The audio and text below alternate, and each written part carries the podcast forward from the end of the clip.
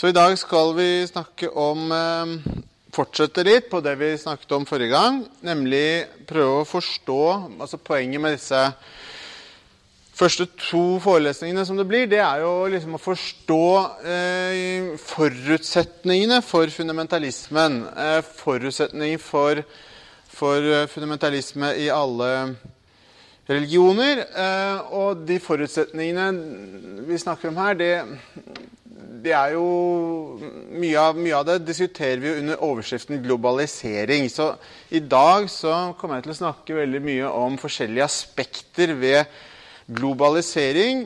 Det er jo mange forskjellige ting. Men eh, altså poenget er liksom prøve å få på plass eh, en idé om, om eh, de grunnleggende forutsetningene som vokste fram.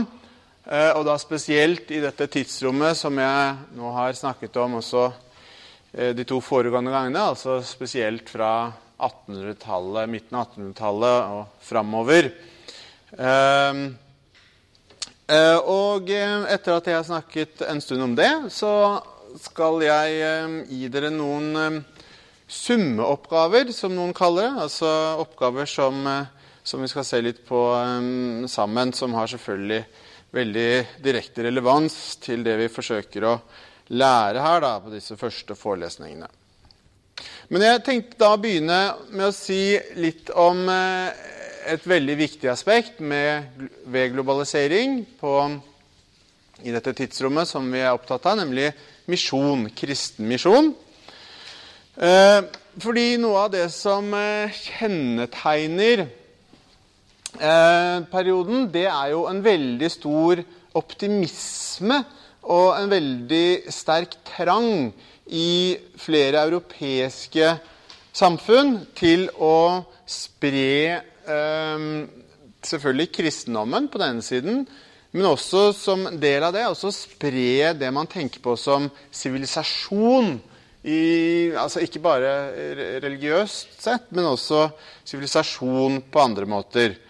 Um, og mange nasjoner oppfattet jo at de hadde en slags misjon, en siviliserende misjon, som man gjerne snakker om. da, eh, globalt. Og at eh, det medførte altså Man hadde rett og slett ikke bare eh, ønsket man eh, dette, men man hadde en plikt, en slags plikt fordi man, fordi man var sivilisert og kristen, til å spre spre sivilisasjonen i verden. Og noe av det som er karakteristisk og interessant, det er jo Uh, alle disse Bible Societies, uh, alle disse misjonsorganisasjonene og bibeloversettelsesorganisasjonene som oppstår. Uh, F.eks. The British and Foreign Bible Society, som grunnlegges veldig tidlig på 1800-tallet. Uh, og Formålet med disse det er jo å oversette Bibelen selvfølgelig til flest mulig språk. Vi skal se etter hvert på noen eksempler på det. Men eh, jeg har også bare lyst til å legge til at det er ikke slik at kolonihistorien generelt alltid bare handlet om kristendommen. Tvert imot. Eh, hvis man går nå, nå, er jeg opptatt av eh, Nå begynner vi liksom historien på rundt 1800, men hvis vi går 100 år bakover i tid, så, så, er, så er, de store liksom, koloniprosjektene de er ganske skeptiske til religion. Eller de er veldig skeptiske til religion, faktisk. Hvis man f.eks.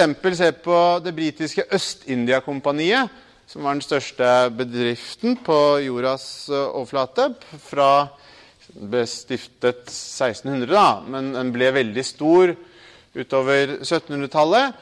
Eh, og Det britiske Øst-India-kompaniet hadde jo eh, et veldig tydelig forbud mot all misjon innenfor sine territorier. Det var fordi at eh, de tidlige kolonistene, altså de som, de som, virkelig begynte å kolonisere eh, Asia og eh, mye senere selvfølgelig Afrika, de, de så på misjonsaktivitet som, eh, som, eh, bare problemer. De, de, var ute etter handelsmuligheter eh, og tjene penger. Og misjonærer var da ofte hår i suppa, faktisk. Så um, ja. Men, men, når vi kommer da til den, vår periode, så, så endrer, endrer, mye seg. Eh, holdningene endrer seg veldig. Og det er altså, som jeg har sagt, liksom en, en, global Det springer ut svære globale bevegelser fra Europa som ønsker å eh, omvende flest mulig til, til, kristendom og til sivilisasjon. Og man tenker seg kanskje det, Man kan estimere det på forskjellige måter, men kanskje det var ca. 10 000 britiske misjonærer ved det, um, ved århundreskiftet. Eh, og det høres ikke så veldig mange ut, for verden er veldig stor. Men det som er viktig å tenke på, da, det er jo at det, det handler jo ikke bare om europeiske misjonærer. Det handler om at de lagde svære nettverk av lokale misjonærer, som eh, først da selvfølgelig var konvertert. Og de var mange, mange flere. Og de, de arbeidet jo eh, for eh, Eh, for disse forskjellige misjonssamfunnene i forskjellige deler av verden. Det er jo først at selvfølgelig Asia, Afrika er, og Midtøsten, inkludert Midtøsten, da, som er interessant for oss her. Jeg nevnte forrige gang at Amerika er så annerledes case når det gjelder, når det gjelder liksom kolonihistorie, da, at vi, vi ser bort fra det her. Eh, og, og det dette førte til, det var jo veldig mange forskjellige reaksjoner. Eh, og et eksempel som nevnes i pensumlitteraturen, det er jo eh, arbeidet til Church Missionary Society. Eh, som eh, de opererte i, i, mange deler av verden, bl.a. i Sudan. Eh, og bare for å illustrere hvor forskjellige omgivelsene kunne være, så kan man se på eh, hvordan de hadde stor suksess i Sør-Sudan, hvor, eh, hvor eh, ja, Man kan i hvert fall spekulere på at noe av grunnen til at de hadde suksess der, var at eh, man hadde afrikanske religioner, mens i Nord-Sudan så, så, var det et, en stor, stor, etablert verdensreligion, nemlig islam, som allerede, allerede hadde veldig godt grep da, om samfunnet. Så øh, Et annet eksempel som jeg syns er veldig spennende, det er den tidlige misjonen i India. Og øh, et eksempel som også brukes i pensum, det er William Kerry, som gjerne regnes som den første Eller grunnleggeren eh, ikke den første, men, men, den som virkelig gjorde moderne protestantisk misjon til, til, um, til, noe stort. Til selvfølgelig den viktigste misjonsimpulsen egentlig i verdens historie. Det er jo det det er. Eh, William Kerry, som, som sto bak mye av det, uh, han Her ser vi han sammen med en av sine indiske samarbeidspartnere. Han kom jo til eh, Bengal, India, helt på slutten av 1700-tallet. Og var, eh, var, da aktiv der eh, ganske lang tid. Hadde med seg familien sin. Var, ja, før det så hadde han grunnlagt dette Baptist Missionary Society i England. Og der hadde det vært en, en ganske sånn stor eh, et, en, oppvask innad i organisasjonen om, om, eh, om man skulle eh, misjonere eller ikke. Altså, det var rett og slett flere fraksjoner, to, to fronter her. Den ene mente at, at, man ikke hadde noen plikt til å misjonere som kristen, mens Keris uh, side mente at det var den viktigste plikten man hadde som kristen, å spre kristendommen. Og han skrev bøker om det, veldig interessante bøker, hvor han forklarer hvorfor han mener det. Eh, og det første han gjorde, eh, som han sikkert gjør på dette bildet òg, antageligvis, vil jeg tro, det er å oversette Bibelen. Det opptok Kerry mesteparten altså Han brukte de fleste timene i, i, livet sitt på å oversette Bibelen til forskjellige språk. Først til bengali, så sanskrit og andre indiske språk. Eh, sett i liksom et moderne lys så er oversettelsene ganske merkelige. og De brukes på ingen måte i dag. Men, men det var et veldig vanskelig arbeid eh, fordi eh, Og det er veldig eh, interessant da, eh, hvis man skal forstå eh, hvordan religioner blir globalisert, og hvordan de, blir, hvordan de tar rot på nye steder, så er det interessant å se på nettopp oversettelse. Fordi eh, noe av det som disse tidlige protestantiske misjonærene støttet på av problemer, det var selvfølgelig hvordan, hvordan oversetter man ord som Gud fra et europeisk språk? Eller hvordan oversetter man ord som dåp eller nåde osv. Det, det er egentlig ganske vanskelig, eller nærmest umulige prosjekter, eh, det å oversette. F.eks. så kan man si at um, kan peke på at Baptist Missionary Society eh, ønsket å oversette ordet dåp på en bestemt måte. Mens eh, et par av de andre britiske misjonssamfunnene ønsket et annet ord for dette. Altså De ønsket å bruke andre indiske ord for ordet dåp. Og det førte til eh, en konflikt mellom disse britiske misjon, misjonsorganisasjonene, som varte da i ja, 150 år, i hvert fall. Og, og sikkert sikkert eh, altså, Vi snakker om tusenvis av sider med argumenter for og mot oversettelse av det ene ordet. Og det viser jo mange ting. Det viser eh, selvfølgelig at, eh, at det var veldig sterk konkurranse mellom de protestantiske misjonærene, organisasjonene, om, om, hvem som skulle ha overtaket dette, eh, globale misjonsmarkedet. da. Eh, og så viser det jo hvor viktig det var for disse protestantene å, å formidle liksom det, det, riktige innholdet, det riktige trosinnholdet, til, til uh, folkegrupper i, i, Asia og Afrika. Men, men um, det, det, ofte så står jo dette i kontrast til hvor, mange, hvor mange konvertitter de faktisk fikk. Det, det varierte jo veldig.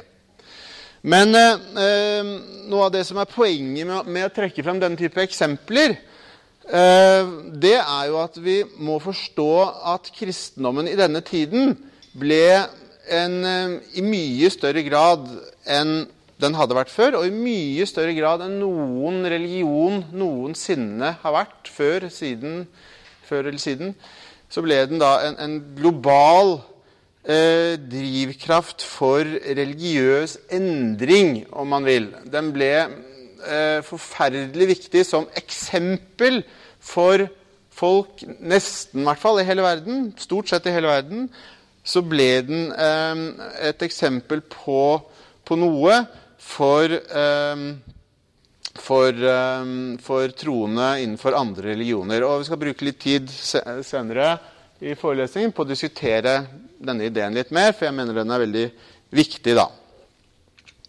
Eh,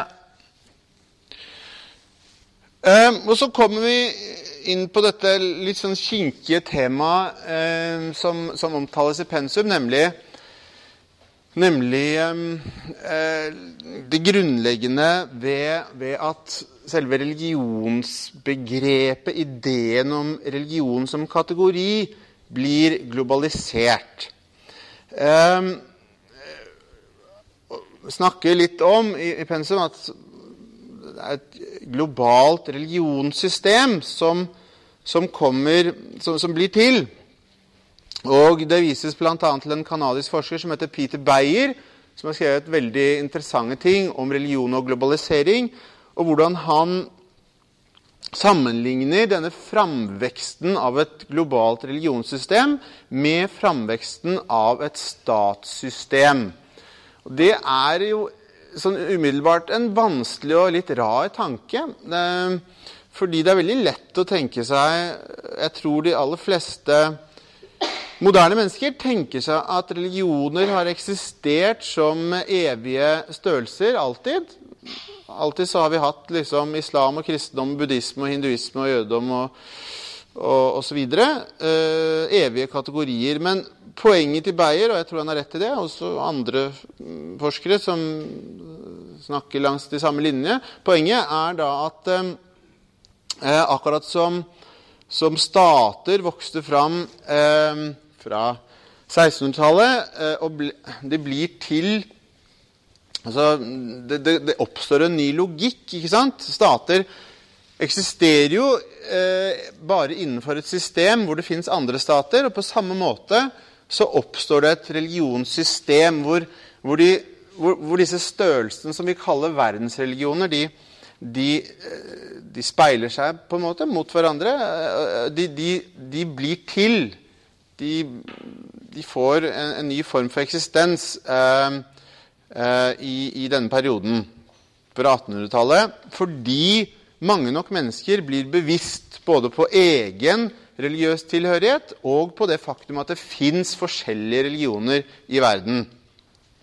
Um, så, og det er det vi på en måte mener med, med at, dette religionssystemet eh, vokser fram, eh, og folk begynner å tenke på verdens befolkning som, som inndelt i forskjellige religioner. Og det, det kan man hevde er, er eh, en, eh, en, moderne måte å se dette på, da. Um, og noe av konsekvensene det blir jo bare for å illustrere det. ikke sant? Uh, hvordan tenker vi på det i dag? Jo, vi tenker på det sånn. Vi kan dele inn alle religionene i kakebiter. Uh, det gjør det veldig enkelt. Det fins ca. en tredjedel av verdens befolkning er kristne. En femtedel er kanskje muslimer, eller noe sånt. Eh, og så er det hinduer, og så er det masse andre forskjellige fargerike ting. Eh, eller vi kan dele det inn geografisk. Der bor det muslimer, og der bor det Sånne ting kjenner dere godt igjen. Der bor det hinduer, og, og, så deler man det inn som et slikt kart. da. Eh, men poenget mitt, bare for å ikke for å gjøre det kjedelig og repetitivt, men poenget mitt er jo da at uh, Som de fleste ville være enig i, det er jo at uh, før uh, denne moderne måten å tenke religion på, før denne moderne bevisstheten om, om religiøs tilhørighet, som jeg snakker om her, så, så, var det ikke noen motsetning i det å være både Altså tilhøre flere religioner. Et eksempel kunne være at eh, i veldig mange situasjoner i, i omgivelser i Afrika, Asia osv., så, videre, så så er det på ingen måte noe unaturlig å, å delta f.eks. i festivalene eller ritualene til eh, flere forskjellige religioner.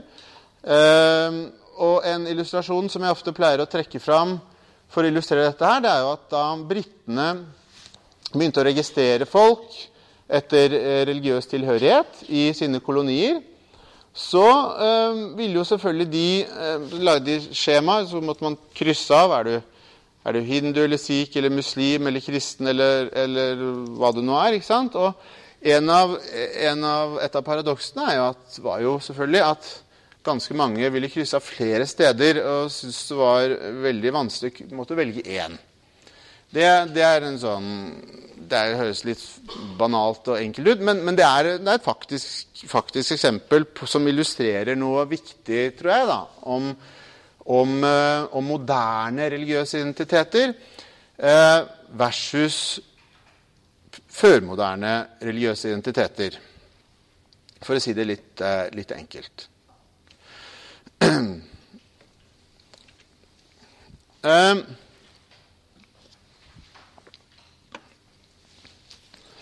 så tenkte jeg å snakke litt om hinduismen, bare for å illustrere litt mer om dette poenget her. Um, hinduismen trekkes ofte fram i denne type debatter fordi det har vært så tydelig for mange observatører, mange forskere, at, at hinduismen nettopp på 1800-tallet eh, ble til en religion. Um, og um, for, for, å vise det så kan man f.eks. se på hvordan man i indiske språk oversetter religion, nemlig med ordet dharma, eh, og hvordan det ble brukt i tidligere tider. Og spesielt hvordan, hvordan moderne indiske tenkere forestiller seg liksom forholdet mellom disse begrepene her. Og da, eh, for dere som har tatt kurs i hinduismen, jeg vet ikke om noen av dere har gjort det, så vil dere kjenne igjen det navnet nevner her, nemlig en eh, indisk tenker som jeg ofte trekker fram som illustrasjon, nemlig Bankim Chandra Chatterjee, som var en, eh, en, en bengalsk eh, intellektuell på litt etter midten av 1800-tallet, eh, som nettopp skrev eh, Han skrev mange, mange ting. Eh, blant annet eh, så skrev han tekster, både skjønnlitterære tekster og, og, og mer prosa, eh, vanlig, eh, vanlig fag, fagprosa.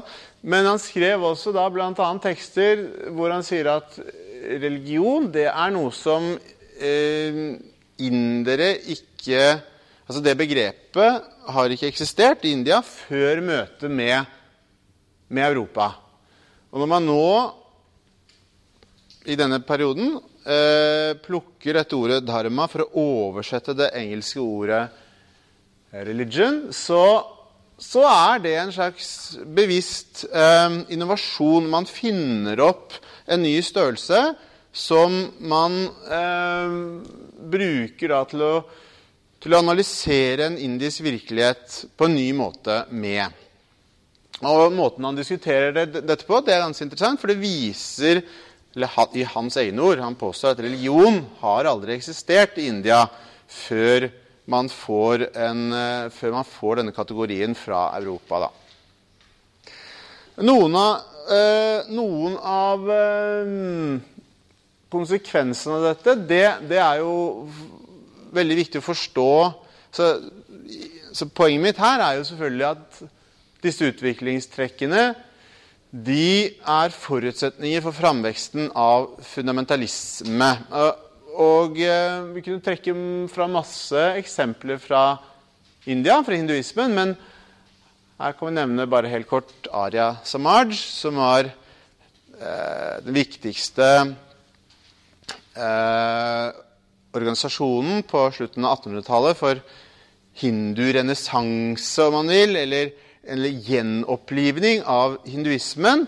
Eh, som ble grunnlagt da for Selvfølgelig som reaksjon mot eh, kolonialisme. For å samle hinduer i en kirke. For, å, eh, for altså, veldig tydelig herming da, etter, etter kristne organisasjonsformer. Eh, og eh, også veldig sånn åpenbar etterligning eh, på, på, en rekke områder. F.eks. hvordan man ser på tekster, hvordan man ser på Veda-tekstene på en helt ny måte, eh, som ikke ville vært mulig hvis man, hvis man, ikke var i dialog med, med kristne eh, misjonærer, byråkrater osv som hadde ideer om, om religiøse tekster eh, fra en, en eh, fra, fra Bibel, altså, Man så på Bibelen på en bestemt måte. ikke sant? De abrahamittiske religionene har jo tradisjonelt vært opptatt av boken. Eh, og dette er da en slags måte å se på grunnteksten i religionen på, som da får stor konsekvens for denne type organisasjoner i, i Asia. Et annet eksempel VHP, Vishwa Hindu Parishad, en forkortelse for en veldig viktig fundamentalistisk hindu-fundamentalistisk organisasjon, Vishwa Hindu Parishad, som helt eksplisitt sier i Altså ledere, grunnleggerne og lederne sier at vi lager en organisasjon som etterligner kristne kristne organisasjonsformer fordi vi ser at de er effektive. Eh, og vi gjør det som svar på den utfordringen som, som, eh, som, eh, som møtet med Vesten gir, da. Så vi ser altså disse strukturelle endringene i hvordan man tenker at religiøse organisasjoner, religioner, skal se ut.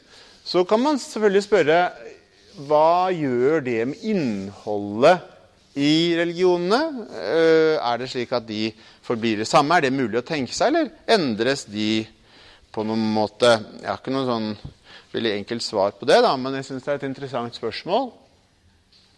Andre, andre, elementer som endret seg, det var jo eh, noe av fokuset. Eh, fordi mange av disse misjonærene som, som, jeg snakker om her, disse nye protestantiske misjonærene som faktisk eh, spredte seg, eh, oversvømmet nærmest verden eh, fra midten av 1800-tallet, de var jo veldig opptatt av, som sagt, ikke bare av religion, men også av sosialt arbeid, helse osv. Og, så og eh, ganske tydelig å se på reaksjoner både i islam, i buddhismen, i hinduismen, i Afrika og Asia, hvordan eh, en rekke av disse lokale eh, religiøse organisasjonene plukker opp denne type ideer. og Eh, og skjønner at det å f.eks. starte sykehus eller skoler eller eh, den type initiativer, det er veldig viktig. En viktig del av det å, det å eh, styrke egen kultur og møte utfordringen fra, fra denne nye eh, mektige kulturen som kommer fra Europa, og som på mange måter truer, truer lokale kulturer. da. Så, og, så, på mange områder så blir det da dette som jeg snakker om som, som herming etter eh, kristne former. Og jeg, jeg bruker, etter så bruker jeg YMCA som et, eh, som et veldig sånn konkret og enkelt eksempel. Eh, eh, og det, det er, bare bruker det fordi det er så, såpass åpenbart og enkelt å vise, vise at dette er eh, ren herming, ren speiling kan du si, av kristne former. YMCA, som dere kjenner, Young Men's Christian Association, etablert eh, typisk i denne perioden vi snakker om, ikke sant? Og med formål om å gjøre unge eh, kristne menn Sterke og sunne både i kroppen og sjelen. Ehm, og selvfølgelig del av denne globale, globale, nye globale protestantiske kristendommen som jeg snakker om, som er så utrolig viktig. Som er, som da er forutsetningen, slik jeg ser det, for veldig mye av det som skjer i moderne religion mange steder i verden. Og eh, eh YMCA blir veldig raskt en global organisasjon med, med kontorer i, i, i, forskjellige steder i verden, på flere kontinenter. Eh, og eh, får da sitt speilbilde, liksom sin eh, liksom, reaksjoner i f.eks. Young Men's Buddhist Association, som, som, blir Young Men's Buddhist Association ble en av de helt sentrale organisasjonene for eh, gjenopplivningen, man kan, som man kan kalle det, av buddhismen eh, på Sri Lanka. Veldig, veldig viktig organisasjon for å eh, gjenreise buddhismens status. Det er ikke det at buddhismen var borte, på noen måte, men, men det å møte utfordringen fra nettopp organisasjoner som YMCA det ble viktig på Sri Lanka og i andre buddhistiske land på, fra midten av 1800-tallet. Da YMBA ble da helt avgjørende i, i dette arbeidet. Med rent speilbilde av y, YMCA, selvfølgelig. Young Men's Muslim Association, Egypt, en mye senere eh, organisasjon som jeg tror egentlig hadde mye mindre betydning i Egypt enn det YMBA hadde i Sri Lanka. Men vi ser altså også Jainene hadde sine, hinduene hadde sine. Jeg har ikke tatt med sikhene, de hadde selvfølgelig også sine. Poenget er at dette er speilbilder av, av disse formene. da. Og så får man da litt senere eh, kvinnevarianten av dette her, da, som for så vidt er en uavhengig, eh, uavhengig sak, men som også er en del av den globale kristne eh, kulturen som er så viktig. Og eh, så skal vi snakke litt om hva dette fører til. Hva betyr alt dette? Eh, eller hva er liksom konsekvensene? Mm. Det ene jeg vil peke på, eh, og som jeg syns det er viktig at vi forstår, det er eh, at eh, når jeg snakker om framveksten av et eh, religionssystem, eller liksom framveksten av globalisert religion, så en av, en av, en av trendene vi må forstå, det er, det er at religion i større og større grad i hodet på, på de religiøse da, blir eh, atskilt fra kultur. Det blir mer og mer uavhengig av kultur. Og det uh, Hva betyr det? Det er kanskje vanskelig sånn umiddelbart å, å forstå hva det betyr. Uh, men, men, igjen, da kan vi gå tilbake til det som jeg sa i forrige forelesning om differensiering, og huske litt på at i førmoderne samfunn så er religion da veldig infiltrert i andre samfunnssfærer. Eh, og i de fleste Man kan godt se det i samf mange samfunn i dag også, selvfølgelig, men i de fleste tradisjonelle samfunn, førmoderne samfunn, så vil det være fryktelig vanskelig å si liksom her Dette er religion. Sette en klar grense. rundt Dette er religion, mens dette er kultur. ikke sant? Fordi det religiøse det flyter selvfølgelig over i veldig mange andre kulturelle elementer. Da.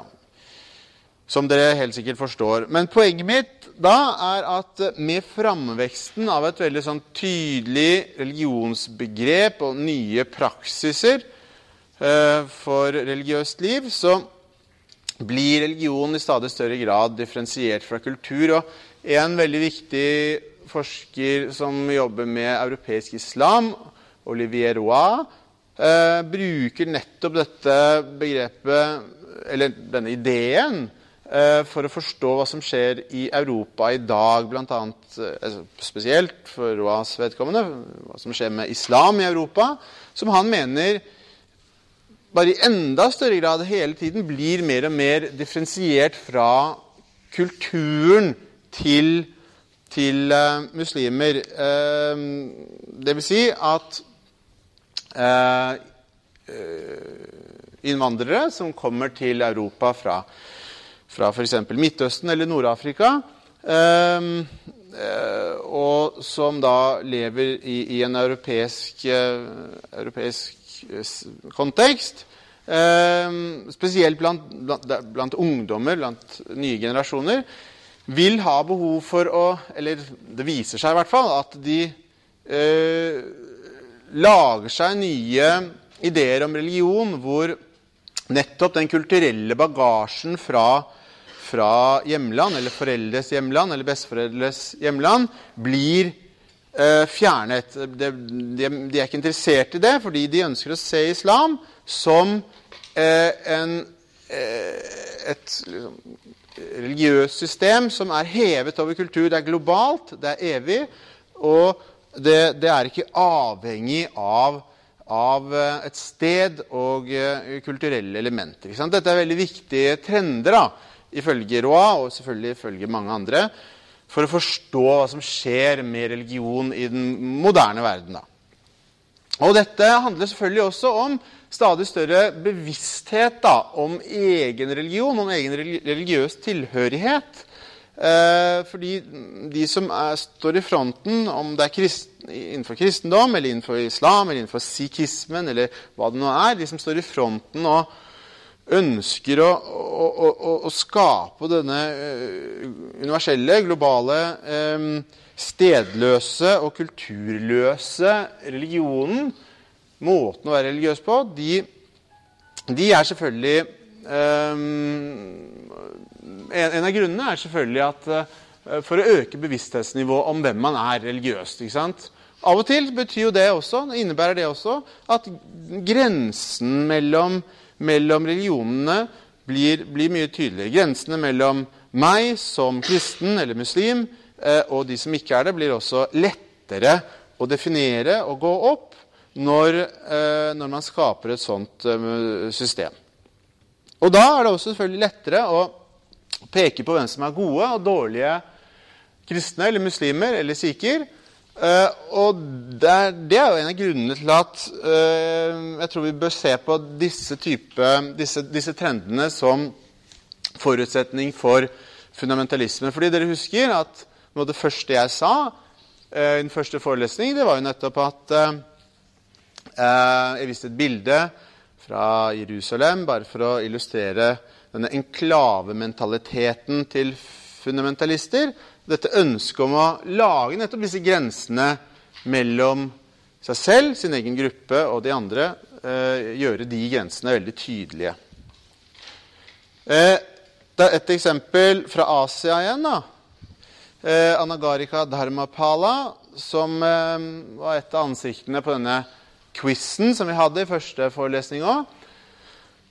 Og han illustrerer jo eh, noen av disse trendene på en veldig tydelig måte, mener jeg. Eh, var, eh, han var aktiv fra 1890-tallet eh, og tre første tiårene av 1900-tallet. Unnskyld. Så, så, akkurat i, i, den perioden vi snakker om, i 1893, så kom han til Chicago, deltok på noe som heter The World Parliament of Religions. En ganske viktig hendelse, faktisk, fordi, uh, fordi, det brakte sammen religiøse ledere fra mange forskjellige deler av verden. Men Dharmapalas store prosjekt i livet det var jo nettopp å gjøre buddhismen til, eh, til denne globale bevegelsen som, som kunne forene da, buddhister i, i Japan, Korea, i, i, selvfølgelig Sri Lanka, hvor han kom fra, Burma, Thailand, Tibet osv. Altså helt uavhengig av hvor de kom fra, uavhengig av hvilken, hvilken gren av buddhismen de tilhørte, uavhengig av hva slags eh, nasjonal kultur de hadde, så ønsket han å la, gjøre buddhismen til noe, til noe nytt, en, en, en, global bevegelse. Panbuddhisme snakker man om av og til. ikke sant? Eh, og derfor var han jo ikke så veldig opptatt av Så han var opptatt av sitt eget land. Han, han var en nasjonalist, kan du si, en singalesisk nasjonalist. Men, men, han var kanskje enda mer opptatt av India, eh, fordi at eh, i India lå de historiske stedene til buddhismen. Og det er også ganske det går, det går igjen hos hvert fall en del av disse, av disse lederne som jeg er opptatt av her. Det at de må bruke historiske symboler, historiske steder, eh, fortellinger om en mer eller mindre mytisk historie for å konstruere denne, denne ideen om, om, den nye globale, stedløse, tidløse, kulturløse religionen. Og det, det er Dharmapalas store prosjekt i India, nemlig å ta tilbake eh, de buddhistiske stedene. Eh, spesielt Bodh Gaya, hvor Buddha nådde sin opplysning. Og så eh,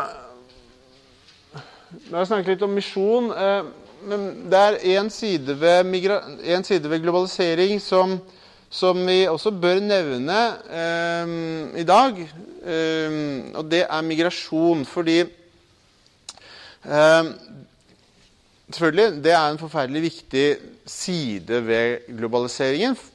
Migrasjon er eh, Vi lever i en tid med, med mye migrasjon. Eh, og, og det, gjør, det, har masse forskjellige typer konsekvenser. Eh, men helt spesifikt, det man må være litt klar over når man studerer moderne religion, det er jo rollen til disse gruppene som vi kaller diasporaer. Det ordet har kanskje noen av dere hørt, men, men eh, det betyr altså eh, eh, grupper av mennesker som, som, som har flyttet fra et sted, og som, som tar liksom, permanent bolig i en annen kultur. Vi kan snakke om eh, pakistansk diaspora, tamildiaspora i Norge eller USA f.eks. Og poenget her det er jo at denne i, i forskningslitteraturen så er det en generell antagelse om at denne type grupper er, er religiøst, kulturelt konservative. De er ganske ofte drivkraft, eller de er ganske ofte viktige for å bevare renheten til en religion. Eh, eller til en kultur. For eksempel, hvis man ser på nordmenn i USA, så er det mye interessante studier om deres ideer om norskhet og Norge og norsk religion der. Eh, man kunne ta masse selvfølgelig eksempler. Eh, Sikher er en veldig, veldig godt studert diasporagruppe. Eh, i Norge, sikher i Europa, sikher i Canada, Vancouver, som er et veldig viktig sentrum for eh, sikh-kultur.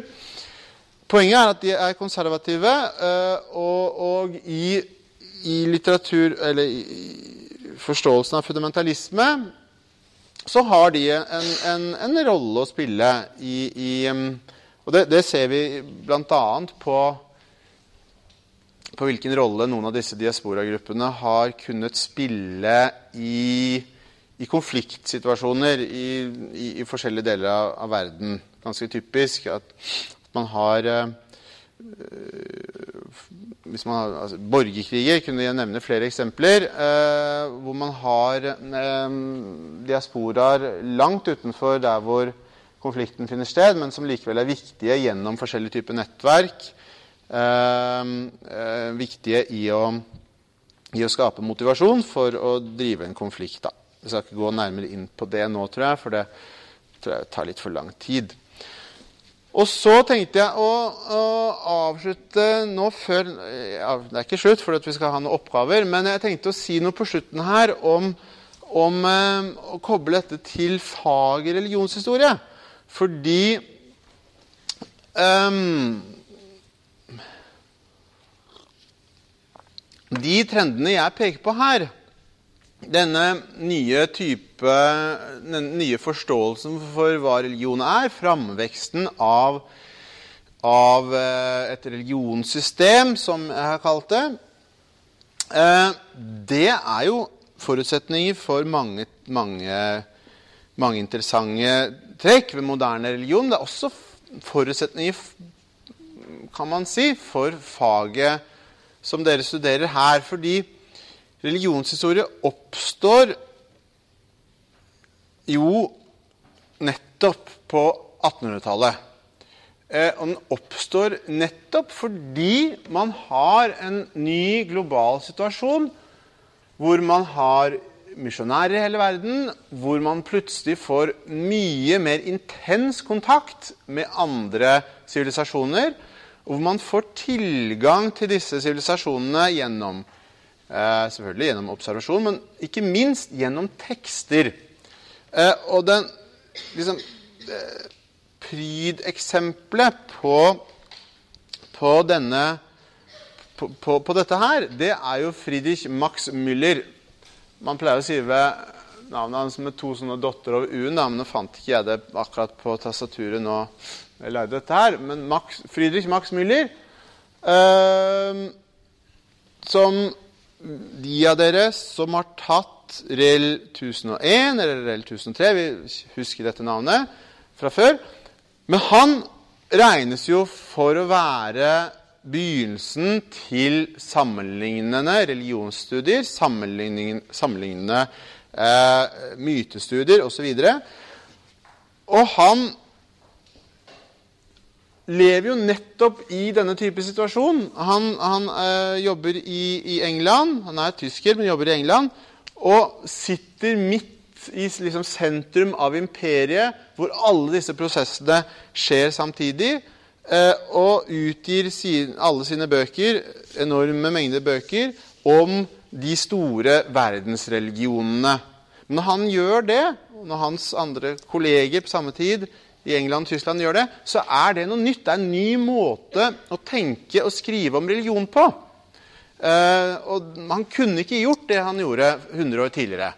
Og Det er derfor jeg sier at disse trendene de er, de er forutsetninger for mange viktige endringer i moderne religion. De er også forutsetninger for vårt fag. Og det er greit å vite Uh, hvis man skal reflektere over eh, sin rolle som forsker eller student på religionshistorie. Og da uh, er vi kommet til uh, oppgavene. Og da tenkte jeg vi skulle gjøre sånn at dere klarer å finne sammen to og to og bruke ti minutter på å diskutere disse oppgavene. Og så kanskje jeg kommer til å være så slem at jeg hører eh, om noen av dere hva dere har tenkt eh, om, eh, om det. Er det veldig mye forlangt at dere gjør det?